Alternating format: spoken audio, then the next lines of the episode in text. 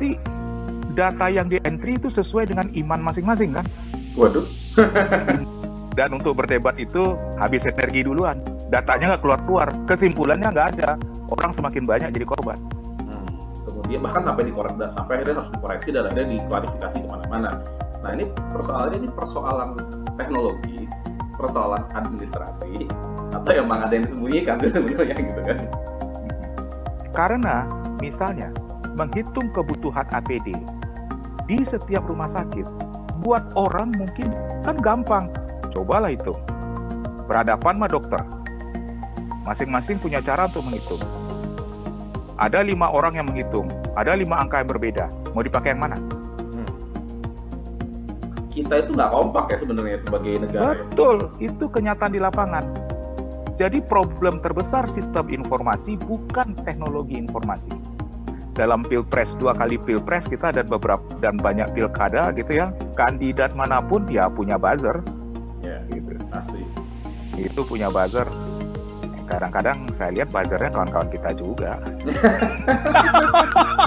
gak usah dibahas kalau itu, itu gak usah dibahas.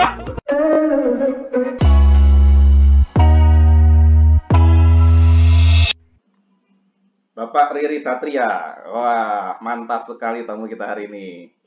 Apa kabar? Baik, kabar baik, Mat. Baik. Ini nih uh, eh, CV-nya panjang sekali nih. Pertama, Komisaris PT Jakarta International Container Terminal. Founder and CEO Value Alignment Innovation and Technology Advisory. Dosen dan anggota Senat Akademik Wah, Sekolah Intelijen Negara. Ya? Sekolah ya? Tinggi Intelijen Sekolah Negara. Tinggi Intelijen Negara. Wah. Dosen Program Magister Informasi Fakultas Ilmu Komputer UI. Magister Teknologi Informasi. Magister Teknologi Informasi anggota Dewan Pertimbangan Ikatan Alumni UI. Waduh, yang lainnya terkait UI, anggota panitia penjaringan dan penyaringan calon rektor. Wah, ini yang milih rektor berarti ya. Universitas Indonesia periode 2019 sampai 2024. Oke, jadi kalau rektornya kenapa-kenapa ini salah satu yang milih.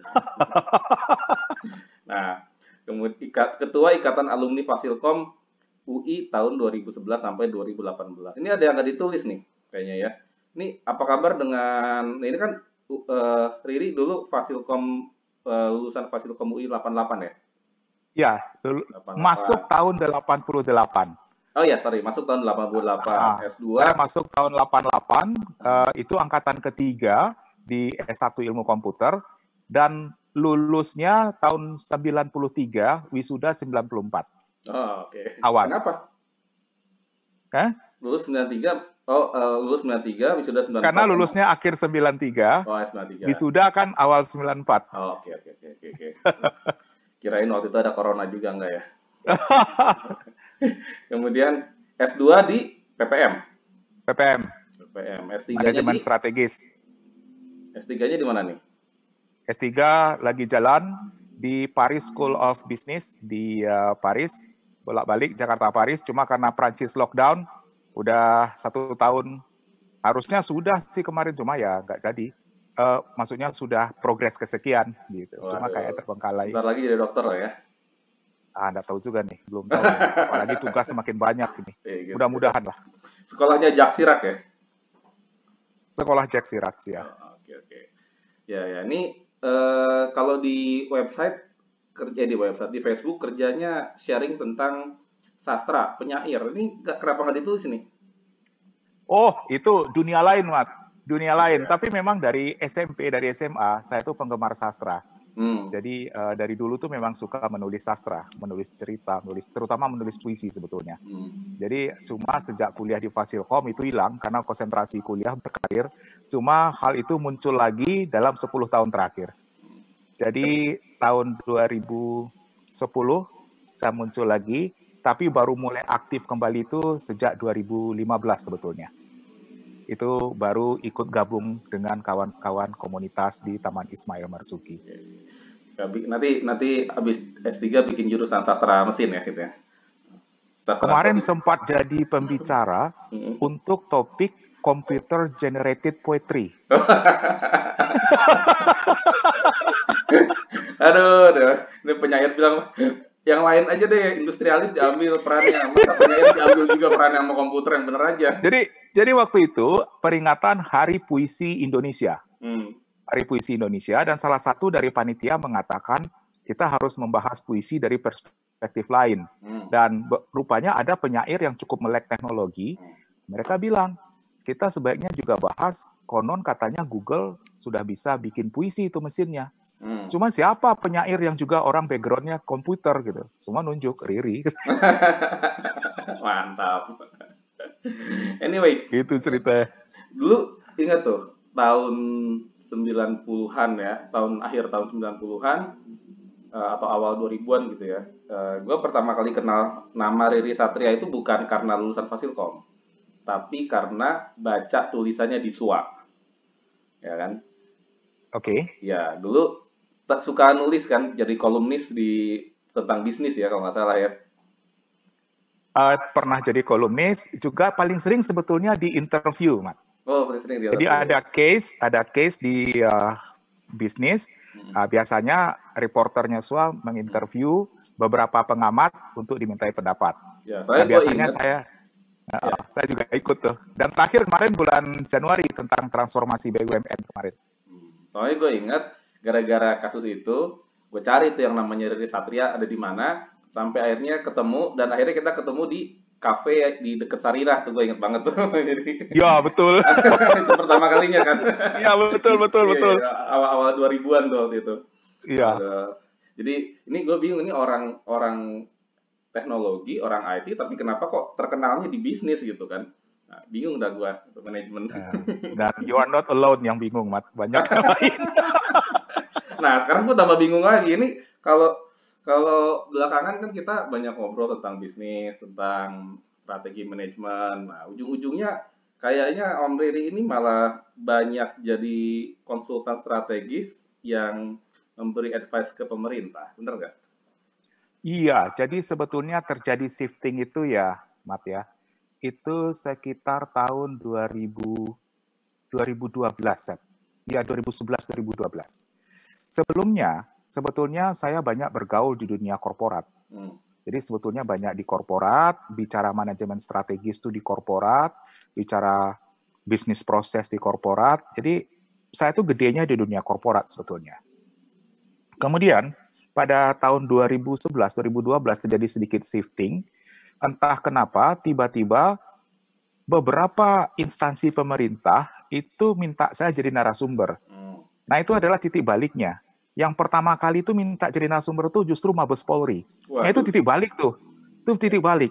Setelah itu ternyata entah kenapa, mungkin dari word of mouth, akhirnya saya banyak diminta terlibat di berbagai instansi pemerintah jadilah akhirnya jadilah akhirnya saya jadi konsultan ahli, penasihat ahli di beberapa kementerian lembaga gitu. Sampai jadi komisaris BUMN. Nah, itu dia, Mat. ditunjuk menteri apa ditunjuk presiden ini nih pertanyaan ini? tunjuk menteri, Mat. Oh, tunjuk menteri ya. Iya. Oh, suratnya tanda tangan menteri, Mat. Oh, Oke, okay, siap, siap.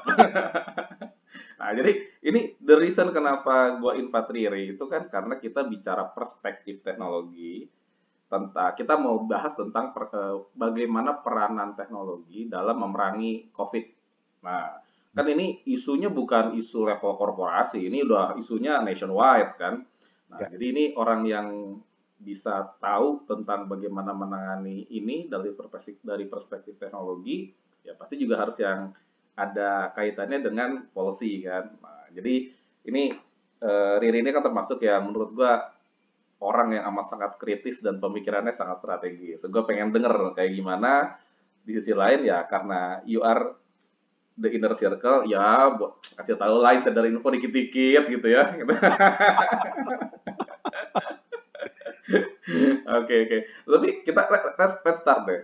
Ini ada hal yang paling simpel ya, karena kita backgroundnya teknologi informasi, kita kan pasti uh, pingin Eh, teknologi ini berperan aktif dalam dalam penyelesaian COVID ya. Cuma hal yang paling dasar aja sebenarnya ya kalau di Indonesia ini ya, keterbukaan informasi, transparansi informasi. Misalnya nih ya, uh, ada banyak kasus di mana di terutama di awal-awal, di mana data dari uh, pemerintah daerah dan data dari pemerintah pusat itu nggak sinkron, nggak sama. Uh, kemudian bahkan sampai dikorek, sampai akhirnya harus dikoreksi dan akhirnya diklarifikasi ke mana-mana. Nah ini persoalannya ini persoalan teknologi, persoalan administrasi, atau emang ada yang disembunyikan sebenarnya gitu kan? Iya. Ya ini ini sebetulnya persoalan klasik kalau saya lihat ya Mat ya tidak cuma di pemerintahan, di perusahaan juga. Hmm. Karena yang namanya teknologi informasi itu kan beda dengan sistem informasi. Ketika kita bicara teknologi informasi, ya kita bicara teknologi. Rasanya kalau sudah pakai teknologi canggih ya canggih gitu. Hmm. Ibaratnya kita punya apa ya? Punya wadah, punya wajan yang canggih gitu ya. Tapi ketika isinya sampah, and then dia tidak bermakna karena teknologinya yang canggih. Ketika kita bicara teknologi informasi, mungkin mungkin tidak ada yang salah. Tetapi ketika kita bicara sistem informasi, di mana di dalam itu ada unsur manusia, ada unsur datanya sendiri, ada unsur prosedur, ada unsur proses dan segala macam, maka ini tentu saja tidak mudah untuk di manajemen memanajemeni manusia aja lumayan susah.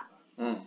Sekarang bagaimana memanajemeni manusia untuk menggunakan atau memanajemeni data? Dibayangkan, memanajemeni manusia untuk bisa memanajemeni data dengan baik. Wah, itu susahnya pangkat dua, Mat.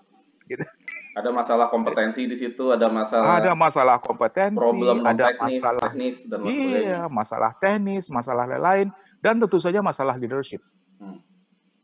Kalau kita perhatikan, pemerintah Indonesia itu kapan baru merasa ini penting?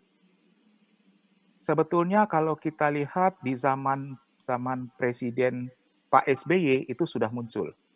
Ya, itu ada keinginan untuk menyatukan, mengintegrasikan uh, manajemen data di pelabuhan dalam satu sistem. Kemudian berlanjut juga, nah kemarin muncul inisiatif di zaman Presiden Jokowi satu data Indonesia. Hmm. Nah, kan peraturan presiden kalau tidak salah tentang satu data Indonesia ini baru satu dua tahun terakhir ini. Jadi memang kita harus berbesar hati mengakui bahwa mungkin dari sisi teknologi kita tidak menemui banyak masalah, walaupun masalah itu ada. Tapi dari sisi data, Mat, ini we have a very big problem. Jadi ada masalah Betul. teknologi, ada masalah people, ada juga masalah data. Data, betul. Berarti masalah utamanya itu di data. Data sebetulnya. Saya bisa setuju dengan Ahmad bahwa masalah terbesar tuh ada di data. Nah, masalah data itu apa aja? Satu, masalah akurasi data. Hmm. Nah, pertanyaannya yang di entry ke dalam database kita ini akurat nggak? Kenapa bisa Menteri Pertanian ribut dengan pejabat yang lain? bahwa data pertanian kita salah. Itu kejadiannya kira-kira tahun 2017 kalau tidak salah. Oh ya, Menteri Pertanian dan Kepala Badan Pusat Statistik tidak sepakat dengan data pertanian kita. Kenapa? Apa yang salah? Berarti data yang di entry itu sesuai dengan iman masing-masing kan? Waduh. imannya Kementerian Pertanian, imannya Badan Pusat Statistik. Nah ini kan harus direkonsiliasi, Mas. Hmm mana yang benar. Bagaimana cara memperoleh data itu? Apakah data itu diperoleh dari perhitungan-perhitungan dalam pengertian sensus atau itu data perkiraan melalui pendekatan-pendekatan tertentu? Nah, itu baru sumber data. Tapi gimana kalau kita mau ngambil keputusan? Kan kalau dalam teknologi kan kita punya prinsip garbage in, garbage out. Kalau data yes. yang kita punya itu salah, ya konklusi kita pun juga akan kecenderung salah. Ya, saya harus berbesar hati mengakui dan itu banyak terjadi. Hmm. Mm -mm. Dan persoalan data ini solusinya seperti apa? Buat dari pemerintah sendiri punya solusi nggak untuk persoalan data ini? Otherwise ini akan kejadian terus kan? Saya saya berharap inisiatif satu data Indonesia yang dimulai tiga tahun yang lalu itu akan menggiring kita ke situ. Hmm. Walaupun saya tahu juga di lapangan melakukannya tidak mudah bagaimana mengkonsolidasikan data-data antar kecamatan dalam satu kabupaten aja ributnya setengah mati. Hmm. Kemudian belum lagi mengkonsolidasikan kabupaten kota media di level provinsi. Hmm. Itu baru di pemerintahan. Belum lagi mengkonsolidasikan lintas departemen. Belum lagi mengkonsolidasikan dengan swasta. Wow. Wah, luar biasa. Dan juga... negara kita besar luar biasa. Penduduk kita 260 juta. Luar Tentu biasa. jangan dibandingkan dengan Singapura. Iya, luar biasa sekali. Dan kemarin kan sempat ada kasus juga ketika COVID ini ada persoalan kepala desa ya itu pada komplain karena dia digugat sama warganya mengenai penyaluran bantuan. Uh, dibilangnya ini saya di demo sama warga saya sampai diancam mau dibunuh karena karena menurut versinya mereka mereka mereka itu memiliki data yang yang versi A yang harus di, di, disalurkan sementara data itu ternyata di lapangan tidak sama dengan yang terjadi. Jadi masalah data ini juga bisa sampai ngancam nyawa dong ya berarti ya. Mat, saya mau cerita. Hmm. Saya pernah jadi anggota KPPS hmm. waktu Pilpres. Ya. Yeah. Usah jauh-jauh. Saya bicara lingkup RW aja dulu. Ya, yeah, ya. Yeah. Saya bicara lingkup RW, saya pernah jadi anggota KPPS. Lah, datanya juga nyamnya minta ampun. Waduh. Ya, tahu orang ini, oh orang ini udah pindah rupanya. Kan kita melakukan sinkronisasi itu ya. Uh, uh, ini, oh orang ini udah enggak gitu. Dan kemudian kan ada berbagai aturan yang keluar dari KPU gitu ya, bahwa kalau orang itu memang tinggal di situ, dibuktikan dengan apa, tapi dia tidak terdaftar, gimana prosedurnya? Ternyata bisa diinterpretasikan berbeda-beda hmm. oleh setiap individu. Dan itu bisa berdebat cukup lama di antara kami anggota KPPS. Kita bicara RW ya. Apalagi negara ya. Apalagi negara. ya, dan data ini juga jadi jadi isu ya dalam konteks COVID kemarin itu terutama kasusnya APD. Waktu kemarin itu kebetulan kakak saya dokter, dia bilang wah APD itu kurang sekali padahal dia praktek di rumah sakit yang cukup terkenal Jakarta pula dan mm-hmm. menurut dia uh, carut marut sekali. Nah, ada beberapa kawan di kalau nggak salah di Fasilkom malah ya, itu punya ide, punya ide yaitu mendata kebutuhan APD di setiap rumah sakit sehingga penyaluran itu menjadi lebih efektif. Nah, pertanyaan saya adalah kenapa mesti relawan yang yang punya ide kayak gitu? Kenapa nggak pemerintah punya ide kayak itu? Kan hal simpel untuk dilakukan. Are you sure is that simple? Sekarang saya tanya, bagaimana menghitung kebutuhan APD per rumah sakit? Ah, that's tough ya. Tapi kalau misalnya kita bicara, uh, saya katakanlah rasio jumlah pasien, gitu, apakah itu tidak bisa digunakan? Artinya kan debatable kan semua. Anda akan dibantah oleh ahli yang lain kan? Ya, ya. Dan untuk berdebat itu habis energi duluan. Datanya nggak keluar-keluar. Kesimpulannya nggak ada orang semakin banyak jadi korban. Hmm. Jadi sekedar jadi untuk memperoleh data itu sendiri, uh, kita itu nggak kompak ya sebenarnya sebagai negara. Ya? Betul, ya? itu kenyataan di lapangan. Jadi problem terbesar sistem informasi bukan teknologi informasi, tapi data. Hmm. Karena misalnya menghitung kebutuhan APD di setiap rumah sakit, buat orang mungkin kan gampang. Cobalah hitung. Berhadapan sama dokter. Masing-masing punya cara untuk menghitung. Ada lima orang yang menghitung. Ada lima angka yang berbeda. Mau dipakai yang mana? Hmm. Belum belum juga mulai, udah berantem duluan. Iya. Padahal itu untuk hal yang sifatnya kritikal gitu ya. Iya. Sama dengan misalnya sensus menghitung angka kemiskinan. Ributnya bukan menghitungnya dulu. Mendefinisikan kemiskinan tuh kita udah ribut. Betul. Dua dolar apa satu dolar itu kan? Ah, itu udah ribut gitu loh. Ya, Jadi UN pakai dua dolar, kita pakai satu dolar.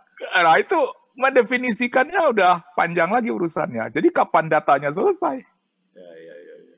Tapi hal-hal yang yang obvious, misalnya contohnya kayak ketersediaan kamar di rumah sakit. Apakah hal seperti itu tidak bisa dijadikan data publik gitu? Misalnya ambil contoh ya, eh, kan kita waktu kemarin sakit eh, COVID itu kan salah satu eh, salah satu tujuan untuk lockdown atau PSBB itu kan supaya kurvanya melandai. Itu artinya supaya rumah sakit tidak kebanjiran pasien kan.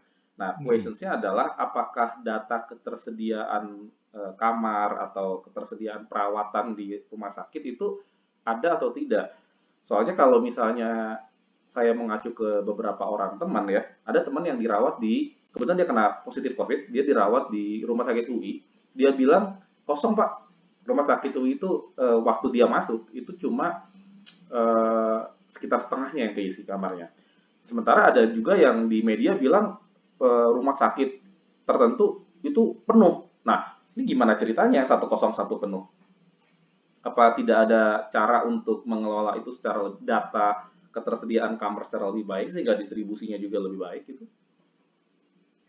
Harusnya pasti ada datanya. Hmm.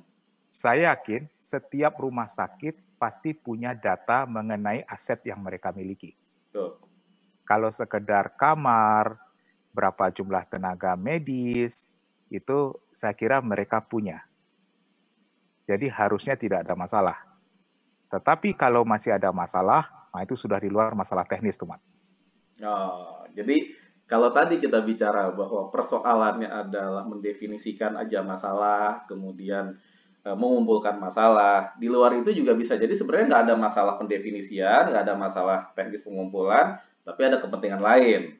Bisa saja. Uh, such as? Hah? Se seperti misalnya? Misalnya gitu ya, ya mungkin untuk pencitraan, hmm. mungkin ya nggak tahu lah untuk apa. Tapi kan pencitraan, pencitraan uh, misalnya uh, atau jangan-jangan ya macam-macam lah kemungkinan itu terjadi yeah. sebetulnya untuk hal-hal yang sebetulnya iya terlalu banyak variasinya dan untuk hal-hal yang sebetulnya di luar aspek-aspek teknis sebetulnya. Tapi rasanya, Mas, hmm. untuk data per rumah sakit itu itu tidak ada masalah. Hmm. Kecuali data-data yang sifatnya analisis analisis ya, misalnya analisis kebutuhan, proyeksi, nah itu repot tuh. Analisis Tapi kematian. kalau udah ada nggak data? Apa? Analisis apa? penyebab kematian. Soalnya kan ada juga yang mempersoalkan uh, kok orang-orang yang meninggal itu tidak dibuka informasi meninggalnya karena apa? Kan ada yang berdebat tuh ya, uh, ini meninggalnya ya. bukan karena COVID, tapi karena sakit lain dan lain sebagainya. Atau ada juga yang bilang ini sebenarnya karena COVID, tapi ini. di bawah yang lain gitu kan? Kan lumayan Gini, coba, coba, coba kita kita kita kita uh, pikir rasional aja, hmm. ya. Hasil tes tuh keluar berapa hari? Ya, teman saya ada yang sampai dua minggu baru keluar. Ah, jadi hasil tes itu dia tidak keluar hari ini tes, besok sore keluar enggak. Betul. Betul. Jadi ada jeda waktu. Ya. Let's say kita ambil jeda waktu itu empat hari aja. Hmm. Oke, okay, empat hari. Ada orang kita tes hari ini. Tapi kita baru tahu hasil tes empat hari lagi kan? Betul. Dia meninggal besok. Hmm. Bisa diputuskan nggak dia sakit apa? COVID apa enggak? Tidak bisa. Mendingan cari Tidak aman. bisa. Tidak bisa. Tapi kalau Ahmad jadi pembuat keputusan, mau dimakamkan secara COVID atau tidak? Secara COVID. Secara COVID. Hmm. Tapi memang betul dia belum ada kepastian. Hmm. Tapi pada titik itu kita mengambil keputusan berdasarkan risiko kan. Empat hari lagi baru keluar hasilnya. Kalau dia tidak COVID, ya syukurlah. Tapi kalau dia COVID, gimana? Jadi sebetulnya bukan data itu tidak transparan.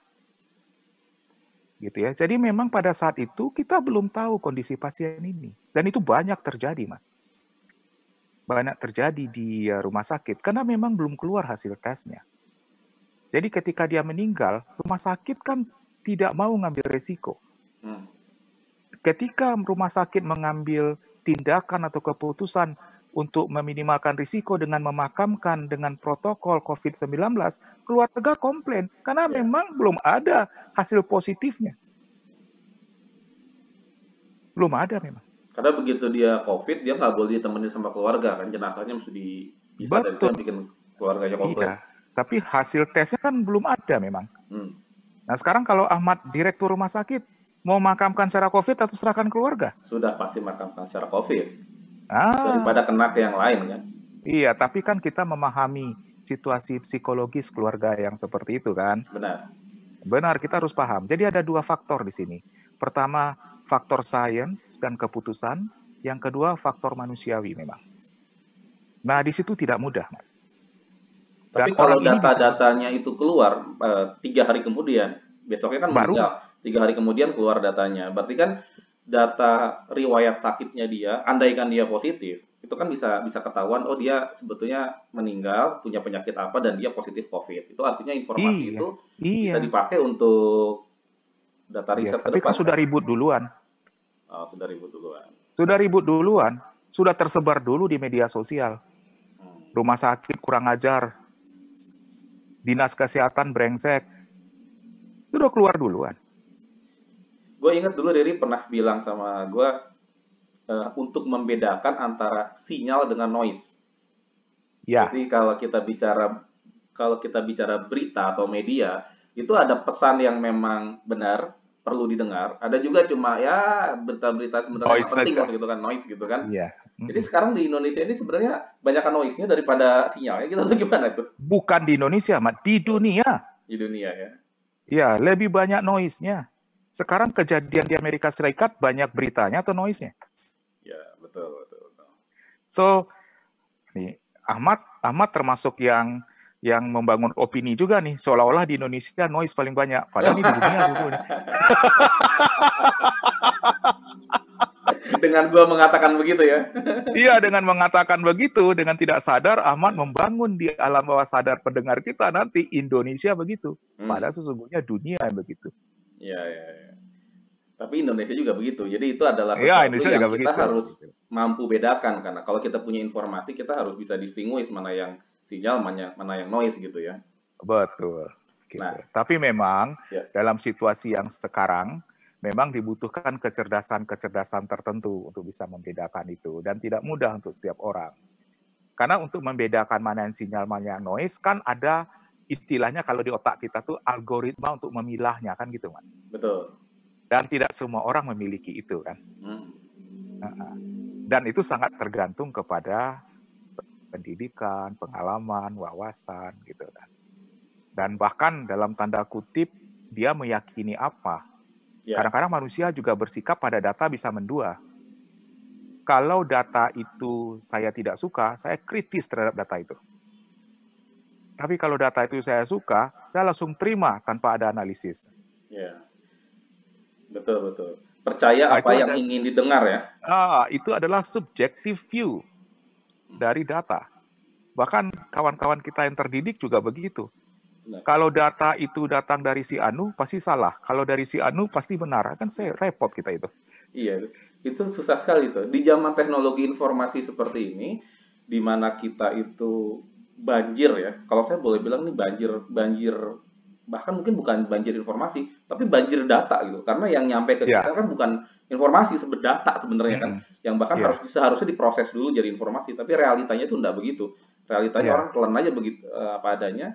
Nah di hmm. di dalam uh, zaman yang seperti ini dan literasi orang-orang memproses data seperti yang tadi Riri sampaikan, ini uh, impact-nya kan bakal besar sekali ya ke sosialnya kita gitu. Kira-kira apa yang di mesti dilakukan sama sama para teknokrat supaya supaya keadaannya tidak menjadi terus-menerus tambah fatal begini? Uh, ya mungkin jawaban yang paling ideal adalah ini memang masalah pendidikan ya. Ah. Oke, sekarang kita lihat statistik. Berapa persen warga negara Indonesia yang pernah mengenyam bangku kuliah? I don't know. I don't know. You tell me. Ya, Oke, okay, tidak sampai 30 persen. Oh, I see. Oke, okay, berarti 70 persen orang Indonesia nggak pernah kuliah. Hmm. What do you expect? Kalau Anda mau maju sebagai presiden, maka debat program visi misi hanya akan dipahami oleh berapa persen rakyat? Ya. Aha.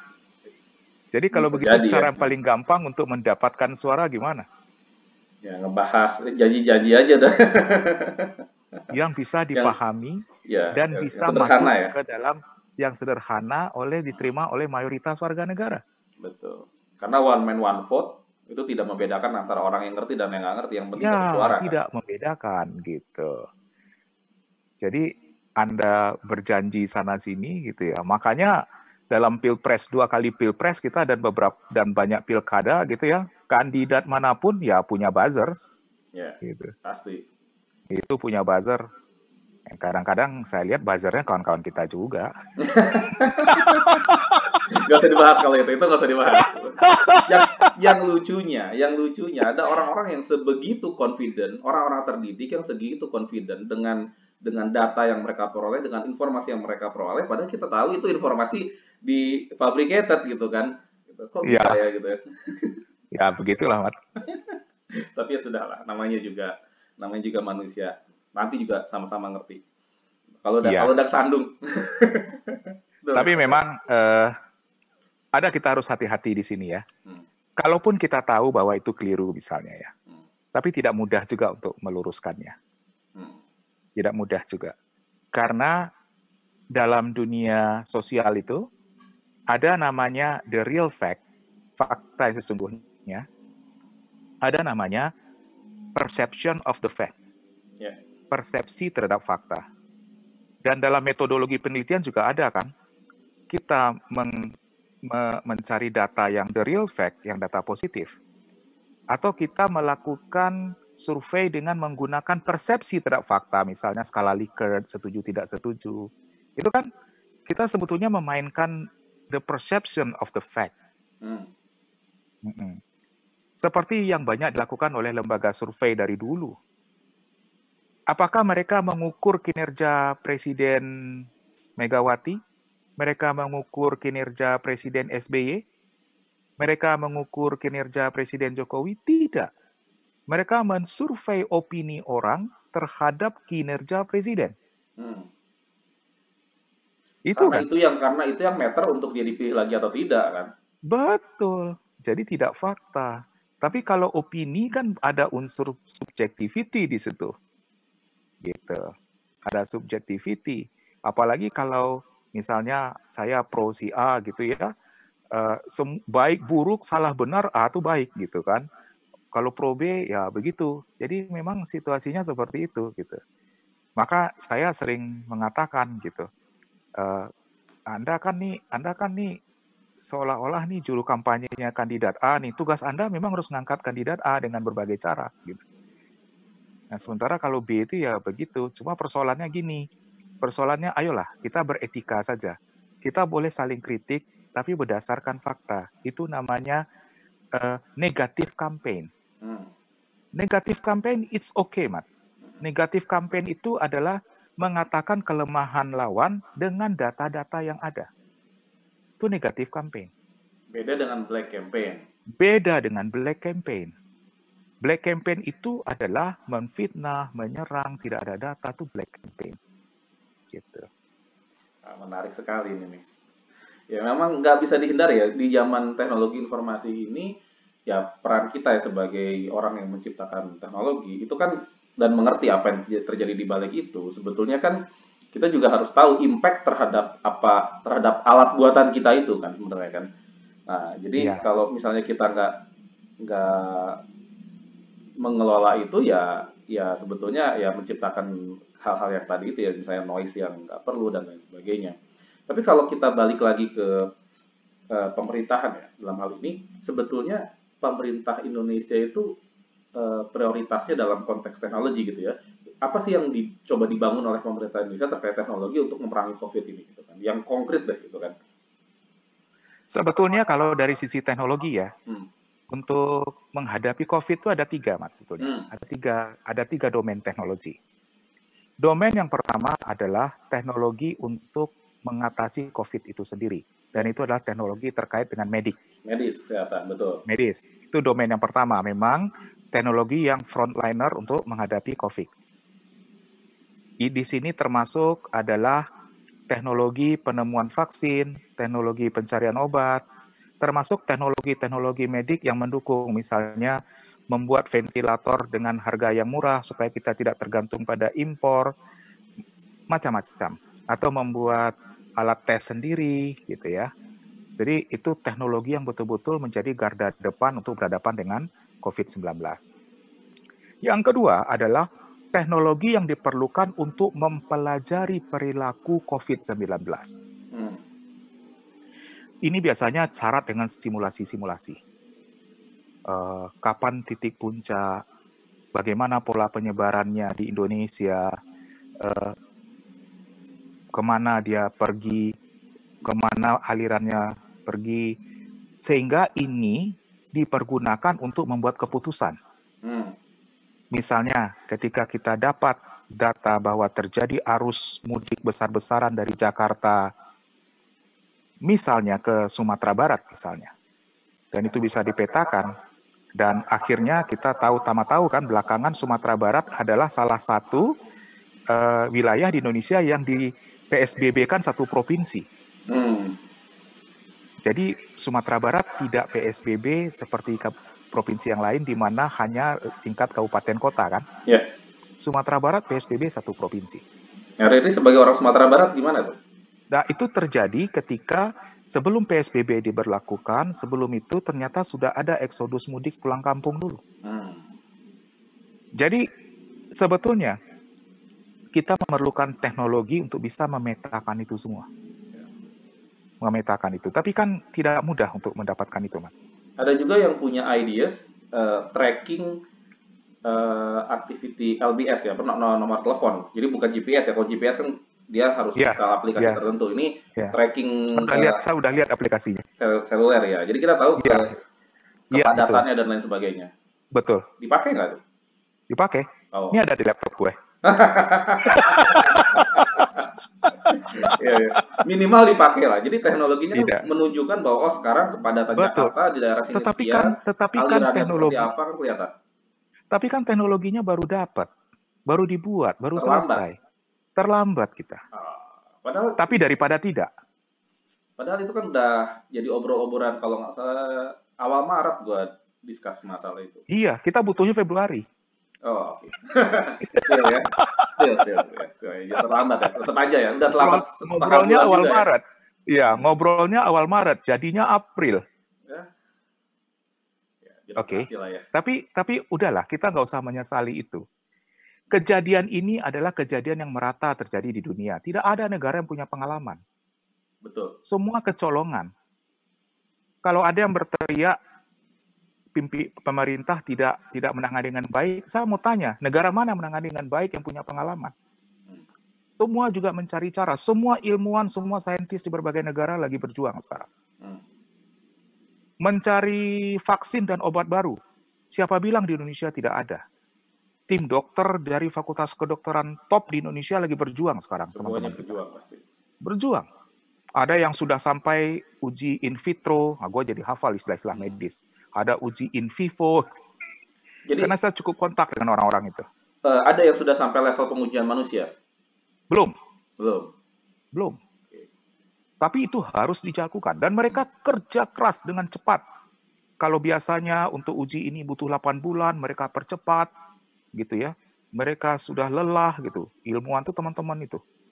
Saya kenalan dengan beberapa profesor dari universitas-universitas, mereka tuh kayak udah kelelahan melakukan uji riset di lab masing-masing. Betul, karena untuk mencari vaksin itu kan normally butuh pack years, sementara sekarang mereka dituntut untuk pack months. Kan? Betul. Kan? Setidaknya yang ada ide menarik kemarin adalah mencari obat yang pas dulu. Hmm. Nah, kemudian idenya gimana?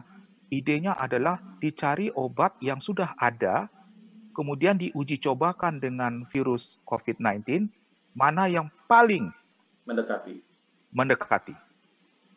Dan itu dicoba oleh beberapa perguruan tinggi. Gitu. Beberapa sudah memperlihatkan hasil. Ada yang sanggup menghilangkan virus COVID dalam 72 jam, saya lihat. Yang ketiga Jadi, tadi apa, Tori? Tadi kan ada tiga. Nah, yang kedua ya. Yang, yang ketiga kedua. adalah teknologi untuk membantu kita mengatasi dampak sosial ekonomi dari COVID. Hmm. Oke, okay. misalnya apa? untuk logistik, uh, yaitu tadi untuk bansos. Coba bayangkan. Jadi menghitung kita itu siapa yang layak terima bansos juga kita database kita juga bermasalah. Ya. Dan itu bukan masalah teknologinya.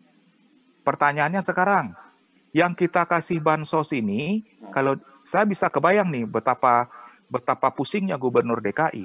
Yang mau dikasih bansos ini orang yang berKTP DKI saja atau siapa pun yang tinggal di sana. Kalau ya. Kalau yang tinggal kalau yang berKTP DKI saja, saya yakin anggarannya ada. Tapi persoalannya lebih banyak yang tidak punya KTP DKI kan. Iya betul. Kalau Dan hanya mereka KTP DKI saja, yang nggak KTP DKI itu akan bergelimangan nanti. Gitu kan? Ribut, kan? kerusuhan sosial. Dan mereka datang ke Jakarta tidak pernah lapor RT RW. Betul. So, so bukan salah teknologi juga. Sekarang persoalannya ini apakah salah pemerintah? Mungkin iya. Tetapi kita harus tahu juga bahwa uh, uh, perilaku masyarakat kita juga seperti itu yang akhirnya ketika kita di saat-saat kritis maka kita merasakan dampaknya semuanya. Hmm. Kita merasakan semuanya. Kita sulit membuat keputusan, kita sulit memetakan, kita sulit seperti ini. Uh, apakah paling gampang memang menyalahkan pemerintah? Saya tidak peduli mau itu pemerintah pusat, pemerintah daerah, tapi paling gampang mau menyalahkan pemerintah. Menyalahkan pemerintah yang lupa. tidak sesuai selera dia ya. Ya, tidak sesuai. Nah, tapi kita lupa bahwa perilaku kita sebagai masyarakat juga ber, berkontribusi, berkontribusi terhadap itu. besar sekali itu. Iya. Ya, betul. Ya, ya, ya. Itu jadi ada tiga amat ya tadi ya. Teknologi yang menjadi garda depan untuk untuk uh, menangani COVID itu sendiri itu terkait medik Nah, sebetulnya ada teknologi kita juga ada di sini, teknologi digital. Namanya uji in silico. Uji in silico itu dalam medik adalah uji melalui simulasi komputer untuk hmm. obat-obatan dan medik. Dan yang kedua adalah ya? ah, dilakukan di Indonesia. Oh, I see. Yang kedua adalah uji uh, bukan uji. Yang kedua adalah teknologi untuk memetakan perilaku hmm. dari COVID. Penyebaran. Bisa dibilang tuh preventifnya kita memang preventif karena kita menghasilkan proyeksi-proyeksi. Hmm. Kita kita menghasilkan proyeksi eh, ke mana arahnya berikut dan itu kawan-kawan gua yang bikin itu itu sudah menggunakan machine learning sehingga dia memperbarui modelnya setiap saat berdasarkan data positif yang terjadi. Jadi terlibat juga. Ya, terlibat dikit lah. Nanya-nanya nakal dikit boleh lah ya. Tapi intinya adalah itu dilakukan dan yeah. itu kita itu mat itu betul-betul kerjanya Rodi betul. Hmm. Jadi percaya gue percaya. Waktu istirahat kita demi kurang. demi merah putih. Ya itu mat gitu ya. Dan yang ketiga adalah teknologi yang memang untuk menangani dampak sosial ekonomi dari COVID. Nah, yang gitu, Mas, ada tiga sebetulnya. Betul. Yang ketiga ini sebetulnya yang gue juga sangat tertarik untuk membahas sebenarnya. Karena eh, seperti kita tahu ya, COVID itu kan masalah kesehatan. Tapi kalau dampaknya meluas seperti sekarang, ujung-ujungnya jadi masalah ekonomi kan sebetulnya kan. Nah, eh, kalau kita ngelihat sekarang di kondisi sekarang gitu ya, eh, kan itu udah mulai dibuka nih sudah mulai dibuka, dilonggarkan maksudnya gitu ya, sudah mulai dilonggarkan dan lain sebagainya, regardless of mungkin PSBB masih sampai dengan akhir Juni. Nah, tapi ada nggak hal-hal yang eh, dikaji oleh government kita eh, atau oleh para pebisnis mungkin yang sedang discuss dengan government terkait apa yang kita mesti lakukan ke depan. I'm not talk about ke belakang ya, tapi ke depan gitu kan. Artinya eh, eh, sambil ngopi ya, Mat Siap, siap, siap, siap. Saya juga ada kopi kok tenang. Nah, jadi ke depan itu supaya kita itu lebih lancar secara ekonomi, lebih lancar secara uh, kesehatan, itu ada nggak uh, teknologi-teknologi yang ingin diciptakan atau uh, pembicaraan dengan Menteri Industri lah atau Menteri Riset dan lain sebagainya? Iya, betul. Sekarang kayaknya kita tersadarkan semua. Hmm. Kita tersadarkan semua. Jadi pemerintah kelihatannya mencoba untuk merevisi target pembangunan 2020 akhir dan pembangunan 2021. Maka sekarang health system, sistem kesehatan itu menjadi prioritas. Kita belajar banyak dari kasus ini, ternyata ketika terjadi health system kita juga terbirit-birit gitu ya. apalagi health information system kita. Ternyata banyak sekali persoalan di situ. Itu yang pertama. Hmm. Belum lagi masalah kedua, mungkin Ahmad pernah mendengar bahwa FAO sudah mengeluarkan alert. Pasca COVID-19 di Tenggarai akan ada kekurangan pangan di dunia. Betul. Kalau seperti itu, apa harus kita lakukan? Kita terbiasa mengimpor beberapa bahan pangan dari negara uh, penjual.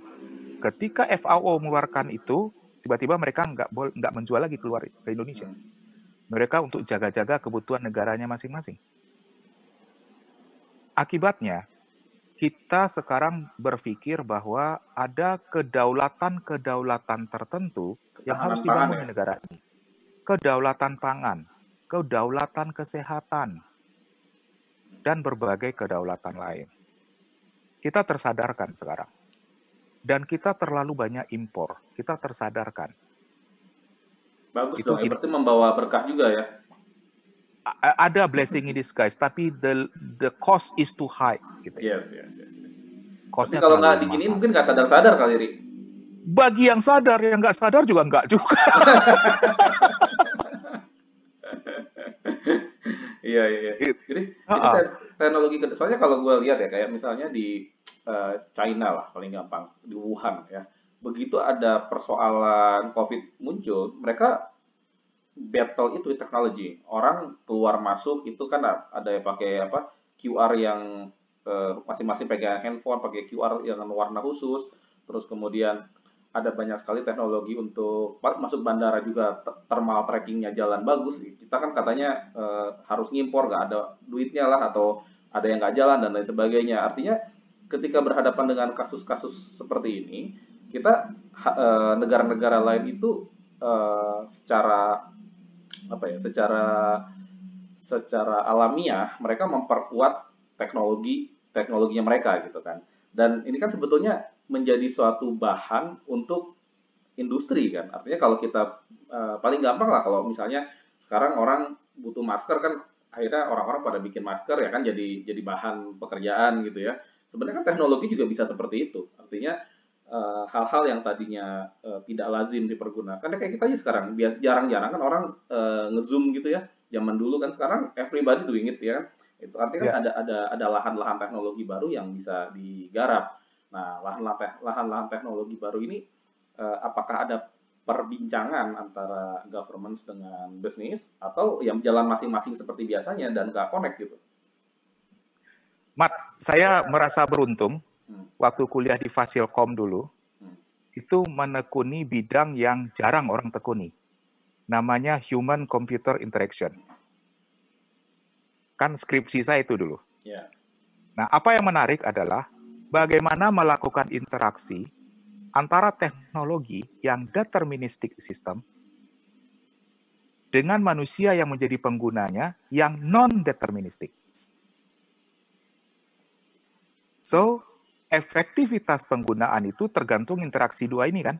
Betul. Nah, bagaimana apa yang terjadi apabila ya ternyata behavior yang terbentuk gitu ya itu tidak align dengan teknologinya. Hmm. Misalnya, eh, kita punya teknologi otomotif, jadi kita bisa bawa mobil di jalan raya.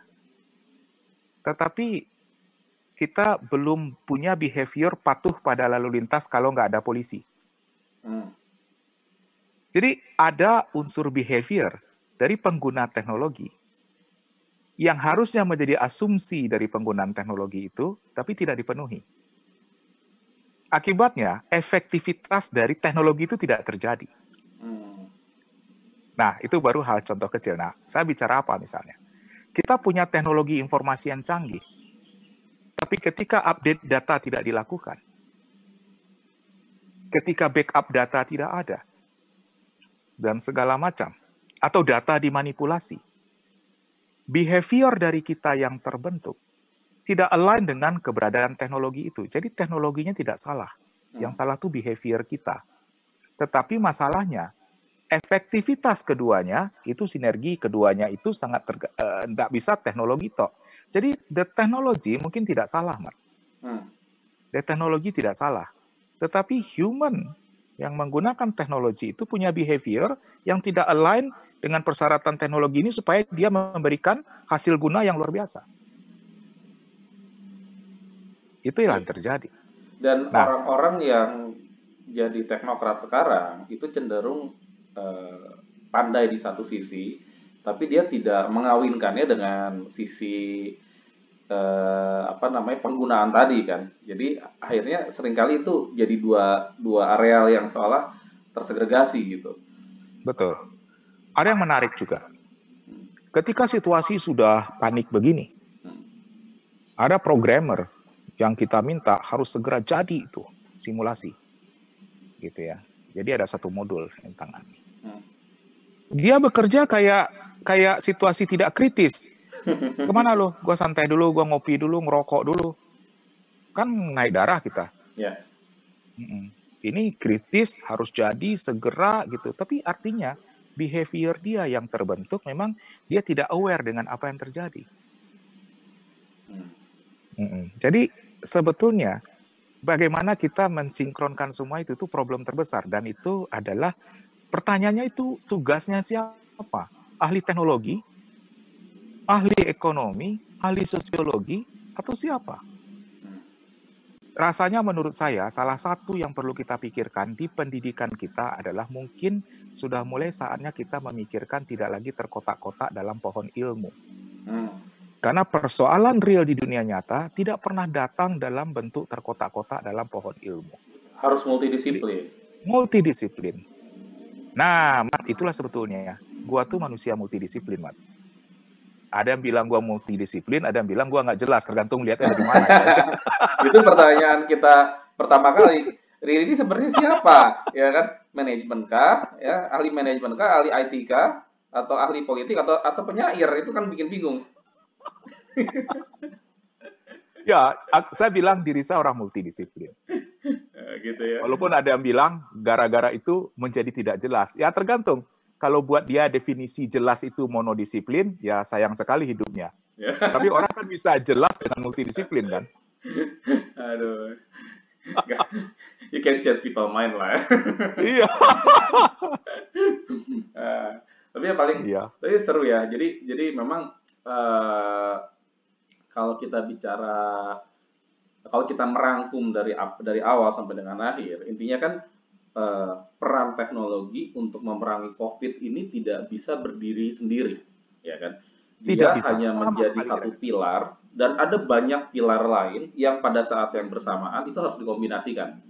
Nah, Betul. Nah, dalam kontekstual di Indonesia, ini mau sebagus apa pun kita memerankan peran teknologi ini, kalau pilar yang lain yang nggak jalan ya itu nothing lah ya, nggak akan ke mana-mana. Bahkan iya. boro-boro kita ngomong pilar sosial atau pilar ekonomi yang lain, even di dalam konteks teknologinya aja, subpilarnya yaitu perolehan data aja masih masalah banget. Jadi kalau Betul. teknologi itu sendiri terbagi atas di subnya itu ada yang terkait sama uh, apa namanya infrastrukturnya, ada yang terkait sama mungkin uh, application or people-nya, ada yang terkait juga dengan uh, pengelolaan datanya. Ininya aja juga belum beres gitu kan. Nah, jadi yeah. kalau kita mau maju ke depan, ini sebetulnya mungkin harus ada semacam apa ya pemetaan kali ya Ria. Apa sih sebenarnya harus dilakukan ke depan supaya ke depan ini kita tidak bekerja dengan cara yang sama seperti kemarin kan, ya kan? Kan kalau Albert Einstein kan bilang kita tidak bisa menyelesaikan masalah di level berpikir di mana kita menemukan masalah itu kan. ini, ini, ini, ini, ini persoalannya adalah kita naikin level berpikir kita atau kita stay di level berpikir yang sama terus berharap ada keajaiban gitu. nah, pemerintah pemerintah kita ini memang memang saya percaya sudah berusaha maksimal sebenarnya dan gue yakin banyak orang yang dalam hatinya berpikir begitu ya cuma yeah. like atau dislike itu kan again ya sesuatu yang wajar sih kalau menurut gue jadi yeah. Iya. uh, anyway kalau kalau kebetulan pemerintah diganti sama temannya dia gue rasa juga situasinya akan uh, omongannya akan akan akan akan akan beda sih sebetulnya gitu kan nah tapi kalau kita mau jujur sebenarnya konkret deh apa sih yang yang Riri bisa sarankan uh, meskipun actually you are you are inside the, the building ya tapi apa sih yang lo bisa sarankan dilakukan baik oleh pemerintah maupun oleh uh, teknokrat maupun oleh masyarakat pada umumnya supaya kita bisa lebih baik lagi ke depan. Ya nggak usah banyak-banyak lah, tiga aja gitu. Makin banyak ya. makin bingung kan orang. Iya. Mat, pada tahun 2003 saya pergi saya, saya dikasih kebebasan waktu itu untuk memilih ikut kursus manajemen. Hmm. Kawan-kawan saya memilih kursus manajemen keuangan kan lagi ngetren tuh 2003 2003 2004 ada manajemen pemasaran. And you know Matt gue pilih kursus apa? Crisis ARD. management. Oh, no, no crisis management manajemen krisis which is manajemen krisis itu sedikit peminatnya karena tidak populer manajemen krisis dan di kampus kita tidak pernah ada kuliah manajemen kritis, eh krisis, sorry. krisis. Krisis. Coba kita di Fasilkom aja tahu nggak krisis itu apa? Nggak tahu. Boro-boro tahu. Eh boro-boro terbentuk behavior, tahu aja nggak? Hmm. Gitu kan? Jadi begini, yang pertama problem kita terbesar adalah krisis manajemen. Bagaimana memanajemeni situasi dalam kondisi krisis? Krisis manajemen pada crisis management kita dituntut untuk membuat keputusan secepat mungkin dengan data yang terbatas. Kita dididik di kampus membuat keputusan dengan data yang lengkap. Tapi kita tidak terdidik untuk membuat keputusan dengan data terbatas. Sehingga saya mengatakan dalam beberapa kesempatan, problem pertama kita crisis management, baik di pemerintahan sampai kepada kita mendidik mahasiswa kita. Mahasiswa kita, kita didik dia membuat skripsi, membuat itu dengan doktrin yang kita berikan adalah keputusan baru bisa dibuat kalau datamu lengkap. Maka dia akan melengkapi itu semua, kemudian entah waktunya kapan, kalau belum lengkap, kita bilang dia tidak lulus. Bayangkan kalau behavior itu terbawa sekarang. Dia menunggu data lengkap dulu baru buat keputusan. Sudah banyak orang jadi korban. Itu adalah manajemen krisis, Mat, yang pertama. Jadi kita memang harus membangun manajemen krisis secara holistik nasional. Oke, itu saran manajemen pertama ya. Jadi jadi uh, ya. manajemen krisis itu harus menjadi satu program yang ya. diadopsi oleh berbagai metode pendi apa kelas pendidikan dan menjadi satu hal yang uh, siap dilakukan di masyarakat gitu ya. Iya. Dan satu-satunya yang siap untuk manajemen krisis itu hanyalah militer karena mereka punya kurikulum untuk itu. Jadi uh, kalau dari militer itu mereka punya mereka belajar dua jenis analisis, dua jenis analisis militer itu. Analisis dalam kondisi relatifly aman dan analisis dalam situasi krisis. Ketika mau perang, saya dengar tuh kalau situasi masih panjang, masih ada waktu, analisis itu mempertimbangkan sekian belas variabel. Tapi ketika situasi krisis, musuh sudah dekat segala macam, hanya empat yang diukur, habis itu tempur. Hmm. Jadi mereka siap. Nah sekarang eh, maksud saya bagaimana cara menumbuhkan sense seperti itu, gitu ya. sense ya. of crisis. Caranya saya uh, uh, dan juga sikap seperti itu. Uh, ketika saya memimpin sebuah tim dalam situasi krisis seperti itu, Mat, saya tidak ada cerita. Besok pagi harus jadi. Tapi Pak, tapi Pak, tapi Pak, no way tapi tapi. Pak, besok pagi sekarang kan udah jam sekarang kan udah jam 5 sore, Pak. Kalau besok pagi gimana, Pak? Sekarang jam 5 sore. Berarti besok pagi masih ada sekitar 15 jam lagi kan? Iya Pak, duit terbaik 15 jam.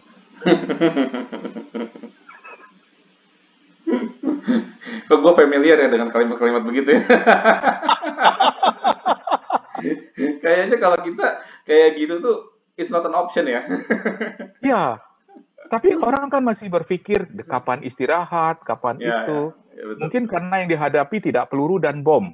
Betul yang dihadapi COVID yang nggak jelas wujudnya. Tapi kan tetap saja itu adalah krisis gitu ya. Jadi itu yang pertama. Tadi kan kamu minta tiga ya. Yeah. Jadi yang pertama adalah sense of crisis. Yes.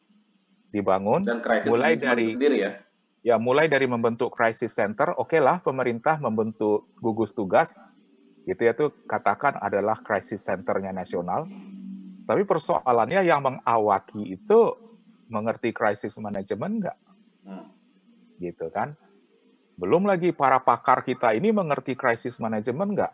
Yang mengatakan pemerintah terlalu cepat, terlalu cepat. Ya ampun, masih terlalu cepat. Kadang-kadang keputusan harus dibuat terlalu cepat memang, gitu ya. Ya, kalau enggak lebih baik, lebih baik salah daripada terlambat. Nah, ya walaupun itu banyak juga mendebat kan.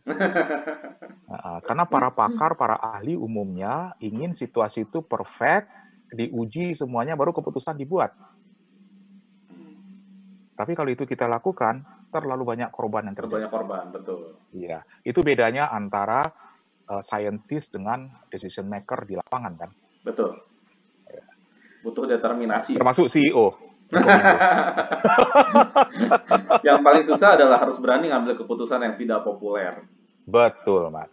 Terus terus. Yang kedua, ya, yang kedua, kita sudah saatnya melakukan segala sesuatu itu dengan lintas disiplin atau multidisiplin. Kita harus berani untuk itu. Lintas disiplin, multidisiplin, kalau di pemerintahan namanya lintas sektoral. Hmm. Itu harus berani kita. Karena pendekatan-pendekatan yang banyak dilakukan, pendekatan-pendekatan yang sifatnya satu disiplin, um, kemudian uh, tidak terbiasa dengan melihat berbagai perspektif, dan yang lebih problem adalah leadership untuk melihat multidisiplin ini kita berharap dari mana? Kalau rapat dipimpin oleh seorang pimpinan yang kebetulan backgroundnya TI, pertimbangan TI dia lebih banyak. Ketika rapat dipimpin oleh orang yang backgroundnya ekonomi, pertimbangan ekonominya lebih banyak. Ketika rapat dipimpin oleh orang backgroundnya tentara, pertimbangannya aspek keamanan, pertahanan. So, memang ini harus kita harus terbiasa untuk melihat segala sesuatu itu lebih lintas sektoral, lebih multidisiplin, lintas disiplin. Karena persoalan di dunia nyata tidak pernah datang dalam satu disiplin atau sektor, satu sektoral saja. Benar, benar. Ya, itulah sebabnya saya senang sekali ketika UI punya namanya jurusan-jurusan multidisiplin di tingkat S2. Hmm. Karena ada fakultas apa sekolah kajian global, strategis, sekolah itu kan multidisiplin semua itu. Dan itu memang diperlukan. Itu yang kedua, kita kajian multidisiplin. Yang ketiga, yang ketiga, kita harus punya struktur manajemen yang clear, uh, mana yang menyusun strategi, mana yang put strategi untuk action, mana yang action. Hmm. Bayangkan kalau semuanya ngomong, gitu ya, yang hmm. bingung siapa? Yang action. Yang bingung yang action. Lebih bingung lagi yang ngelihat masyarakat. ini apaan sih gitu? Hari ini ngomong A, iya. besok ngomong B, besok ngomong C gitu ya. Apalagi juru bicara ada lima. Pening masyarakat, Mas. Hmm. Ya, jadi itu juga. Jadi kalau boleh saya katakan tiga hal yang terpenting sekarang. Ini nggak ada teknologi satupun dari tiga ini. Hmm. Yang pertama crisis management. Yang kedua adalah pendekatannya multisektoral dan multidisiplin. Yang ketiga ada ada pembagian tugas yang jelas mana yang membuat strategi, mana yang menerjemahkan, mana yang action. Jadi solusi... kalau semua berbicara tentang strategi, pening pula kita, nggak ada yang action. Betul. Tapi kalau semua action oriented, nggak jelas arah kita ke mana. Betul. Ya, tiga itu, Mas. mantap. Solusi yang sangat mantap dari Bapak Riri Satria. Uh, jadi ini uh, pembicaraan kita sekarang juga sebetulnya multidisiplin karena dari tadi kita ngebahas teknologi iya, kita ngebahas strategi iya, kita ngebahas ekonomi iya, ya kan kesehatan juga iya gitu kan. Karena hostnya sama yang diwawancarai dua-duanya multidisiplin. ya jadi tapi memang memang luar biasa ya. Jadi jadi uh, kali ini benar-benar kalau buat gua pribadi gitu ya. Uh, kadang kita suka melihat persoalan itu kan dari luar. Jadi kalau kita tidak tahu kebenaran di dalamnya, kita sudah suka punya persepsi kita sendiri dan merasa kita benar. Tapi kalau mungkin kita dapat masukan dari e, Riri yang ada di dalam, terus kemudian mungkin ada orang lain yang juga mungkin punya perspektif lain, pengayaan itu tuh memang pada akhirnya bisa mengubah pandangan kalau buat gue gitu ya. Jadi thank you very much buat Om Riri ini. Nah, kita sama-sama. My pleasure. Bicara kita hari ini. Uh, mudah-mudahan nanti untuk materi yang lain kita bisa ngobrol lagi ya. Oke. Okay. Thank you Om ya. Terima kasih ya. banyak. Sukses selalu. Yo. Salam kawan-kawan semua. Sukses selalu. Yo.